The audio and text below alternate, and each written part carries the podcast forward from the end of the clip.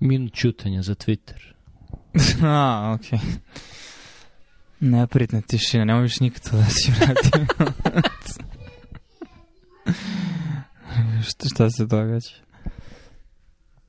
Um, spom... Ne, to je bilo prošle nevrede. Šta je bilo prošle nevrede? Ne, zdravstvo. Ono, zašto mi slao neke članke? Um... Slao sam više članaka. Ne, ne, ali sećate se specifično slao članak za epizoda, to je bila prošla epizoda, tako da to više nije... I slao si sada članke koje nisam stigao. Koji da su više kontroverzan za razgovor na, na podcast. Da, da, da, ali znam taj magazin i, i čitali smo bojice članke odatle i vidio sam taj članak da se podelio. Ali...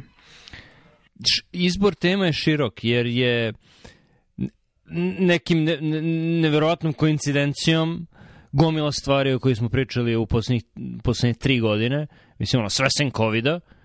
uh, je, je odjednom postalo aktualno u poslednjih nekoliko nedelja. Dakle, pričali smo o veštačkoj inteligenciji više puta, mm -hmm. ono, godinama unazad, godinama, ovo postoji manje od tri godine, ali godinama unazad smo pričali o tome i sada je uh, ne znam, Microsoft ima saradnju sa OpenAI-em, napravit će svoje, Google se bori protiv njih i izdali su svoju onu jadnu konferenciju gde su pokušali da predstave ono što su pokušavali da naprave.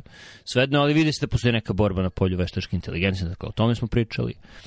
Pričali smo o vanzemaljcima, pričali smo o onom objektu uh, e, OAUA ili kako su ga nazvali, i, i o mogućnosti da, da postoji inteligencija van, van uh, sunčevog sistema i, i sada uh, nekoliko dana nakon što su Amerikanci oborili kineski balon, špijunski, e, obaraju bukvalno neidentifikovani leteći objekat, jer je objekat veličine malog automobila koji je leteo iznad Aljaske, i za koji ne znaju šta je. Ne znaju odakle, ne znaju da li je kineski ili je neke privatne američke firme ili je deo satelita koji je pao, ali je leteo na visini od, ne znam, 40.000 stopa, koliko je to u metrima, da je 10 km, tako nešto, 10 nešto kilometara i ono, možda ometao putnički saobraćaj i zato su ga, zato su ga oborili, ali Amerikanci su oborili UFO na obali Aljaske i, i ne znam, to, to mi zvuči kao, kao neka epizoda do CIX, koji smo počeli da Aha, da gledamo okay. opet. Previše sinhroniciteta, ako bi tako nazvao. Iskreno nisam upućen u, u detalje samog događaja vezanog za obaranje neidentifikovanog letećeg objekta. Ne, nema detalja. Juče na konferenciji za novinare uh, u ono gomili drugih stvari su onako kao, e da, usput američka vojska je oborila jedan objekat. A kako nisu, pustili su taj balon da leti od Aljaske skroz, zašto šta je, bio je balon i išao je sporo, a ovo je bio objekat koji se kretao verovatno dovoljno brzo da Mislim da je u pitanju uzbana. bila visina. Balon je bio na 60.000 stopa, skoro da je bio u svemiru, no. Da. a, ovo je bilo na 40.000, tako da, ne znam, pričamo o stvarima o kojima ne znamo ništa, e, ne znam kojoj visini obično ide putnički saobraćaj, ali po toj priči kažu da je postojala mogućnost da, da se ometa putnički saobraćaj, putnički avio saobraćaj. Jasno, okej. Okay. Znači, to je bio jedan od razloga koji... Da. Doduše, moguće je da je razlog, znamo da je kineski, ali iz iskustva sa prošlim balonom znamo da ćemo imati negativnu, uh, negativnu pažnju Eh, ako i negativnu štampu ako, ne, ako ga ne oborimo odmah, tako da ćemo ga oboriti odmah, šta god bilo. Mm -hmm. Ali sada, sada to, to se desilo juče ili prekjuče, to je palo na zamrznutu obalu Aljaske. Sad je tamo noć, pošto je februar, i mogu da zamislim u toj epizodi da su je X-Team u mhm. onim jaknama sa nekim reflektorima. I neki beli šatori gde su ljudi ono u BSL-4 odelima vade iz olupine zamrznuto telo humanoidnog sivog čovečuljka sa džinovskom glavom i velikim crnim očima. Zar ne bi to bilo sjajno? Da, da. Pa ne znam, možda je to objava rata, ono to je bila jako glupa objava rata. Mislim, nakon, nakon toliko vekova posmatranja ljudi da na tako ne, ne, ne, ne, način... u smislu možda se ovo vidi kao objava rata. Obaranje...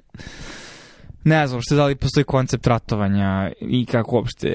E, to je ono... E, svaka naučno-fantastična ideja e, vanzemaljskog života, vanzemunskog života je direktna projekcija ljudske percepcije samih sebe i ne možemo da zamislimo. Jako nam je teško da zamislimo vanzemaljce koji nemaju životne oblike slične našem, pa čak i do tih detalja da moraju da većina njih imaju dve noge i šetaju se na dve noge, imaju oči i usnu duplju sadržanu u glavi. Uh, mislim možda napraviš argument da na planeti sličnoj zemlji, sa sličnim, sličnim ekološkim sistemima, sličnim temperaturnim oscilacijama, evolucija ko organizmu gde, mu je, gde postoji cefalizacija u smislu centralizacije nervnog sistema i osnovnih čulnih objekata u jednom smeru, a to je smer u kojima se taj organizam kreće, ali djelom mi da je mnogo verovatnije da neće biti bipedalni oblik nečega što je vrlo slično nama malo opet možda grešim. Skeleti su neophodni da bi se borio protiv gravitacije, mišićne... Mislim, možemo gledamo kako generalno izgleda kopneni život na zemlji i koliko varijacija postoji. Tako da... Mm, mislim da imamo dosta ograničenja to, ali ne bih se složio sa tim da mi, mi ko smo tu mi?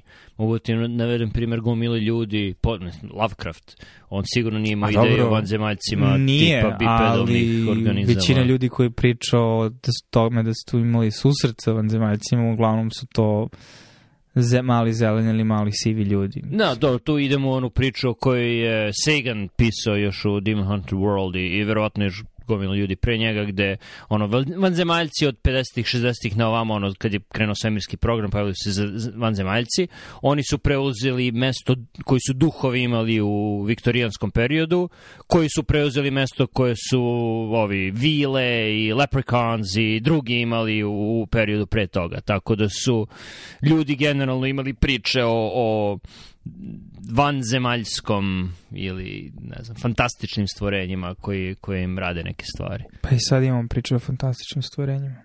Koje? Pričamo o Twitteru stalno. Mislim, šta je Twitter? Ako nije fantastično stvorenje na nekom nivou. Mislim, hoću kažem, slažem se sa tom, ali mislim da barem ranije viđenje tih nekih objekata, ne objekata, ali mislim prirodnih pojava ili bića, uh, mislim da je malo kompleksnije od našeg a, shvatanja, za, s obzirom da mi imamo naš oblik posmatranja sveta je nepobitno um, vezan za materialistički naučni pogled na svet. Tako da mi zamišljamo, kad neko krene priča o bićima, ti pokušavaš da zamisliš koji je materijalni oblik svega toga. Šta je to neki molekuli, molekuli čega, kako se to kreće u prostoru, kako interaguju sa fizičkim svetom i kako uopšte se ponaša po zakonima fizike koji su nama poznati ljudima koji su pričali o vilama, sve te stvari nisu bile poznate, nisu gledali na svet na taj način, tako da projekcije unutrašnjih sadržaja su bile nisu bile identične onome kako ih mi na njih sada gledamo. Ko što sad, mislim, primjer toga, mislim, na nekom nivou, kad neko ima šizofreniju sada, uh, stvari koje čuje je objašnjava kao da ima čip u glavi, znači mora da postoji neko materijalno objašnjenje glasova,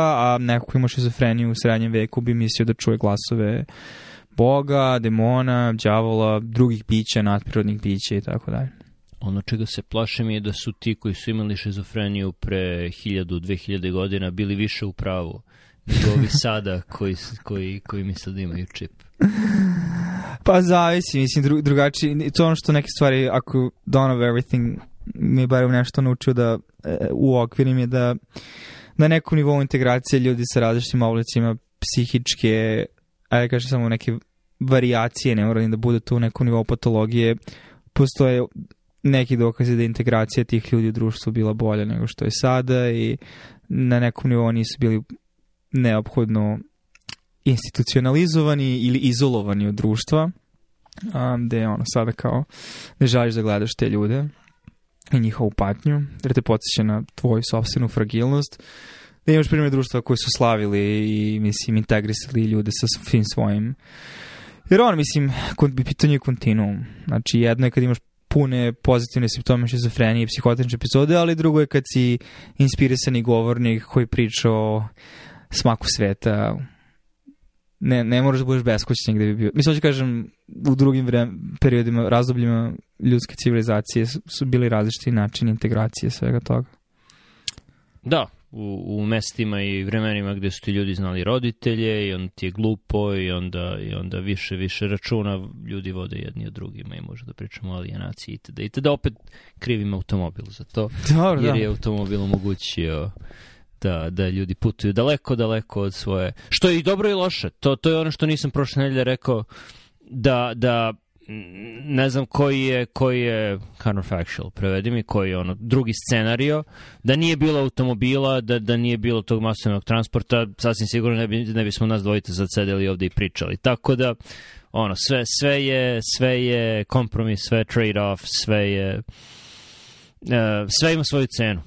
Da, a eksternaliteti su nemogući za predvideti dok ne vidiš kako će se neka nova tehnologija integrisati u društvo i kako će ona izmeniti nas i način na koji interagujemo jedni sa drugima i vidimo sebe u svetu. Tako da, um, mislim, možda praviš pretpostavke, ali na kraju dana niko nije uspeo tačno da predvidi kako će. Jer mislim, samo treba da pogledaš kako su delali deo 2000 godina sa početka 20. veka ili, znaš, kako smo mi videli 2020. recimo iz 90-ih, da shvatiš koliko nismo sposobni da predvidimo kako će se stvari obistiniti, jer ono, možda spominje na nekom talasu naučnih otkrića i linije o kojoj već pričamo videli svet u kome se mnogo više energije stvara i troši, ali živimo u svetu u kome se usporilo na nekom nivou potrošnje energije i najviše revolucije i novih tekovina se desilo u van prostorom, to je digitalnom svetu, a ne u fizičkom svetu. U smislu novih infrastruktura, novih oblika prevoza,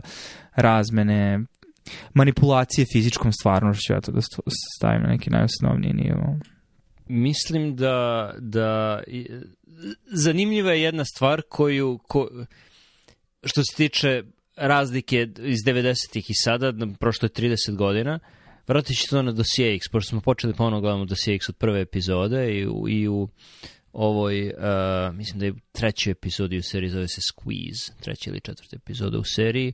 Jedan serijski ubica se javlja svakih 30 godina, tako da se javio 63 i onda se javlja u prvoj sezoni 93. i bukvalno kažu ako ga sada ne uhvatimo, morat ćemo da ga tražimo 2023. nego što je ova godina, što me, no, zanimljiva, zanimljiva slučajnost. Ali mi je zanimljivo da, ok, gledaš, gledaš dosije X, gledaš kakav je svet izgledao 93. i ne znam, Tyler Cowan ima teoriju velika stagnacija da se svet nije mnogo promenio sada u odnosu na, ne znam, 60. i neku, 70. i neku. Pa ne, Tyler je, svet se dosta promenio. 93.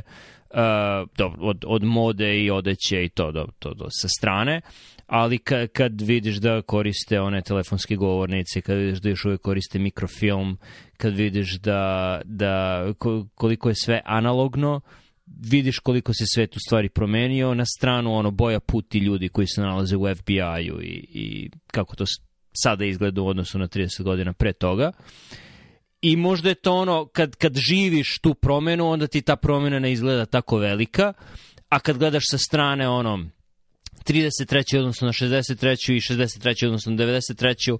možda ti deluje, deluje mnogo veće. Tako da ne znam baš koliko tu postoji stagnacija i, i a koliko je to što smo se mi navikli i onda smo žabe u loncu koje se polako kuvaju. Ne, ne, stagnacija je ovo to koliko fizički manipulišemo dalje stvarnošću. I mislim, i jedan argument je usporenje usvoj, us, usvojavanja, prihvatanja, korišćenja nuklearne energije, pogotovo nakon Černobila i nedostatka poverenja ka integraciji toga u energetske sisteme svih razvijenih društava i da je dosta zemalja ili parcijalno ili u velikoj meri se odreklo toga kao izvora energije i hipoteze, opet counterfactual, da bi sa jeftinijom i poznacijom da čistom energijom bilo vjerojatno više fizičkih promjena u svetu Mislim, od prostih stvari poput više gradova ili gušćih gradova ili više puteva ili svakako ili više saobraćaja ili mislim više, sve, više vremena u svemiru, mislim nazove to kako hoćeš, ali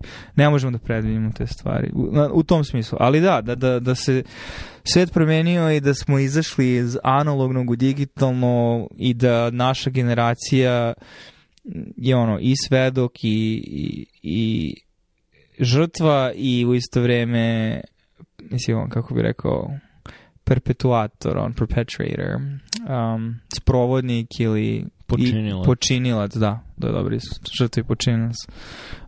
Um, kulture koja se izrodila i svega toga i tog osjećaja da smo stalno u ciklusu nečega što je uvek bitno i uvek neophodno da privuče tvoju pažnju. U svakom trenutku se nešto dešava što je bitno i ovo je bitno i sutra je nešto drugo bitno i za tri dana je NLO i za četiri dana je balon i za pet dana je inflacija, deflacija, krah i za sedam dana je neki rat i za deset dana je zemljotres i za jedanest dana. I e, tako da to, taj svet je na taj način drugačiji. Mislim da tek sada nakon zadnjih 10-15 godina ono, extreme online života, znači od kad je smartphone ušao u naše džepove i samim tim nas odlazak na internet nije nešto što radiš u četiri zida gde se konektuješ preko modema i treba ti 30 sekundi da se konektuješ, nego je nešto što stalno radiš i što imaš priliku da stalno radiš.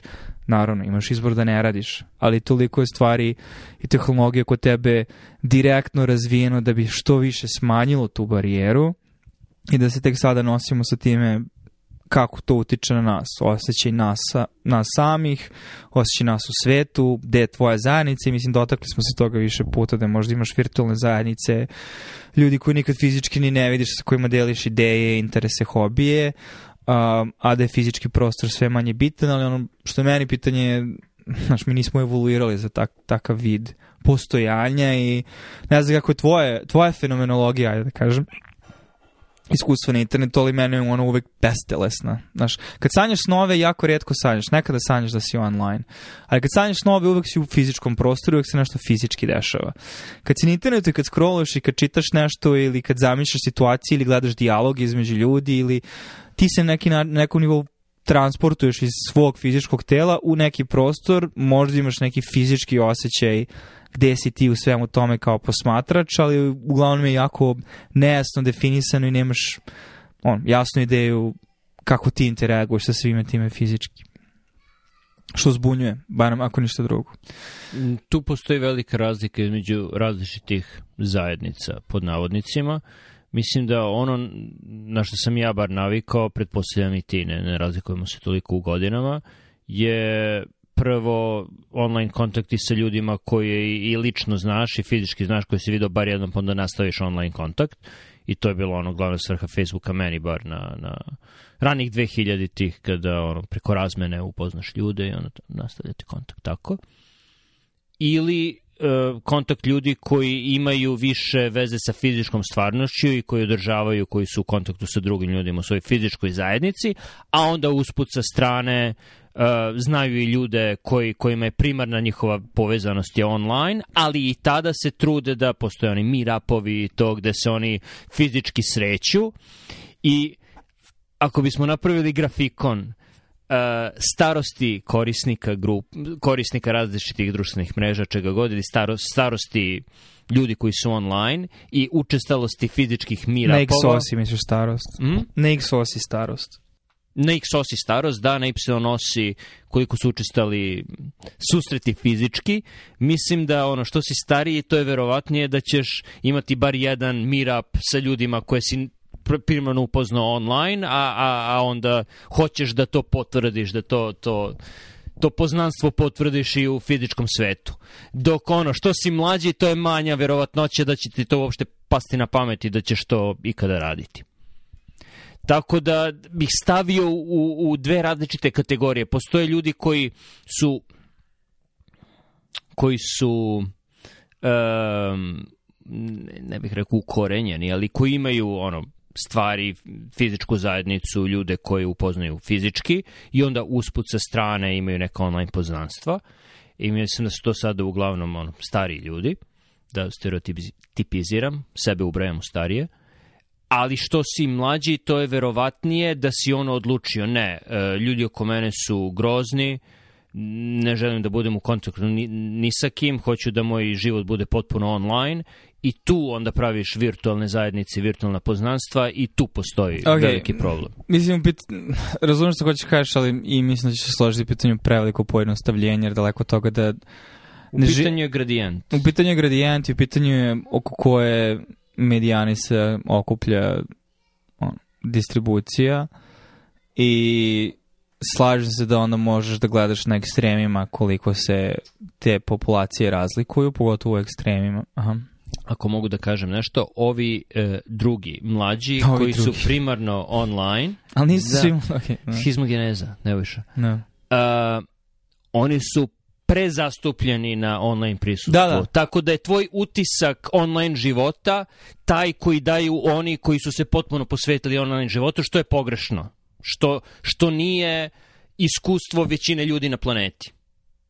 Tako da to može da krivi tvoju sliku online života. A nije da može da krivi, nego krivi, mislim, mi sami smo opet i saučesnici ili počinjoci i žrtve ili kako kažeš ono i, i izvori i primaoci takvih stvari, takvog biv, bivanja i bivstvanja a, ali mi ono znaš, er, i mislim ako ništa drugo mislim da će složiti ali nije da postoji neka suštinska kvalitativna, kvalitativna razlika između starije i mlađe generacije ona je samo rezultat tehnološkog stupnja razvoja, navika i rituala koji su se oformili i uslovljeni su on, tehnologijom koja je tebi u tom trenutku dostupna. Tako da ako si imao četiri godine i tada si se prvi put stupio u kontakt sa pametnim telefonom, ti si neko koji ima mnogo veću vjerojatnoću da dosta kontakata ili većinu kontakata ili gotovo sve, svi kontakti sa drugim ljudima budu digitalnog oblika. Mm, mislim da to nije tačno. Ne, ne, ne. ne. Ok, imaš četiri godine, upoznaš se sa pametnim telefonom. E, e, I recimo da je to ono 2002, 2010. godine, recimo neko je 2006. godište. E, te osobe i dalje idu u školu. Te osobe ostvaruju, te da- osobe ostvaruju fizičke veze osobe koje su zadovoljne svojim fizičkim vezama neće toliko insistirati na isključivo online životu. Tako da one osobe koje su najzastupljenije u online životu su osobe koje nisu u svojoj sredini bile u mogućnosti da tokom školovanja ostvare fizički kontakt. I to je ono što hoću da, da kažemo o iskrivljenoj slici koju, koju online interakcije daju. Jasno. Ne, razumem što hoćeš da kažeš i, i mislim da ima istinu u tome i mislim ako, ali naš, mislim, ne, ne trudim se da sudim bilo, bilo koji način, ali barem svog ličnog iskustva kao nekako koja ste dosta vremena proveo online. Um, znaš, postoje aspekti toga koji možda znaš, preferencija da imaš život primarno online koje je uzrokovano time da tvoj život recimo u fizičkoj sredini nije idealan, ne znači da ćeš ti u potpunosti biti ispunjen kao osoba online i mislim da ako ništa drugo postoji pretnja te ideje o otuđenosti, onda sad to možda vezuješ sa statistikama vezanim za uh, mlađe generacije i tinejdžere koji imaju posebne vrste pritisaka na društvenim medijima, nestabilnu sliku o sebi, a, nemaju osjećaj zajednice, pripadanja, znači generalno postoji osjećaj otuđenosti, gubitka smisla, Gen Z humor je uvek vrlo pun referentnost, referenciji, cinizma, znači to je čitava odlika svega toga, stopa depresije, stopa uh, ono, samopovređivanja i ekstremnih oblika istog a, na nekom nivou može biti poznan sa time što nismo prisutni u fizičkim prostorima i na nekom nivou mislim sad to je sad više hipoteza nego neka stvar koja je vrlo prijemčiva meni, ali znam da je teško dokazati da je istinite i da trendovima treba vremena da se uvide, ali nedostatak prisustva u fizičkom prostoru, trodimenzionalnom prostoru mislim da utiče, mislim, i to, to uglavnom kažem iz svog ličnog iskustva i ono vezanim za rad od kuće i kad previše vremena provedeš online, a ne sa ljudima u prostoru, dovodi do bitnih promena u tvom doživljaju samog sebe, doživljaju sveta, znači koliko se osjećaš integrisanim u svet, koliko je svet prijateljsko mesto za tebe, koliko... Um, jer ono, znači, kada si sve vreme online, to su prostori, ako nisu prostori, ih ti doživljaš kao prostore u kojima ti je sve lakše da egzistiraš, ali ti im povećaš šansu da svaki put kad izađeš napolje ili treba da radiš nešto u fizičkom prostoru, da to polako sve više i više izaziva stres, te sad ti imaš sve veću vjerojatnoću da defaultuješ na ponašanje koje podrazumeva odsecanje sebe iz fizičkog prostora. Um, I to je ono što me samo zabrinjava u smislu, ali opet s druge strane, ono, trendovi ljudi uvide i mislim da i postoji neki nivo pobuđivanja i naravno ekstremi poput on ludita, mislim da onda imaš ljude koji žele potpuno da se diskonektuju od svega i da žive u mislim Golden Ponding kao koncept koji je Venkatiš Rajoš pre koliko 50 godina spomenuje direktan mislim rezultat takvih kultura koji su mahom online, gdje ljudi žele da odu u drugi ekstrem, što opet nije rešenje, ali uh, Rešenje znači, je negdje između, mislim da se svi učimo tome kako da egzistiramo u oba sveta i da se osjetimo ispunjenim i da naš život ono, je smislen koliko toliko. Jer no, svi imaju to iskustvo scrollovanja po ubaci svoju društvenu, ono, ubaci svoj otrov društvo, društvene mreže, Instagram, TikTok, uh, Twitter, gde ono, posle 2-3 sata neprestanog scrollovanja se samo osjećaš praznim i, i ne osjećaš kao da si na bilo kom nivou uradio nešto korisno. U to ime treba da, da dam preporuku još jednom, mislim da sam nekoliko puta pričao o tome, micro.blog je servis društvena mreža i dosta ono, olakšava pisanje bloga, postavljanje na blogu, svejedno. Uh, e, ali je uh, ono, jednostavan način da ako hoćeš da komuniciraš sa ljudima to bude uh, bez lajkova, bez retweetova, samo ono dijalog. Uh, ljudi koji su tamo su ljudi koji su naše godine ili stariji, koji svi imaju neke stvarne fizičke poslove i bave se fizičkim stvarima i generalno vole olovke, sveske, papir i tako dalje, tako da su ono ukorenjeni u fizičkoj stvarnosti, što mi se sviđa. I da, košta, ne znam, par dolara mesečno, možda 5 dolara mesečno, što je verovatno ogroman ograničavajući faktor za, za nekog koji je u Srbiji i ovo nije za nekoga koji je u Srbiji, da se razumemo. Ali, ali generalno onaj normalan način za, za fin način opušten za pisanje bloga i za post, o, o, slanje svojih misli u, u etar je, je dobar, dobar način. Pa mislim ono, broadband, internet i, i brzina i i jeftino, mislim jeftino ili kako, niska cena prisustva na internetu i razmene podataka koja je stvarnost od kasnih 2000 i tih ranih 2010-ih i jedan od prvih uspešnih biznis modela Facebooka nije jedini mogući biznis model. To je biznis model koji je učinio da ta kompanija uh, bude toliko profitabilno u toliko kratkom vremenskom periodu da bude jedna od najvećih kompanija na svetu, ali ne znači da je taj biznis model u smislu te vrste, znači da ti trudiš se da nekog zadržiš na platformi da bi mu pružio ciljane sadržaje reklama, je jedini mogući biznis model u kojem ljudi mogu da egzistiraju i komuniciraju jedni sa drugim online. I mislim da sad u ono, zalasku tog talasa se mislim, postoje prilike da nađemo neke nove načine da interagujemo sa tim stvarima.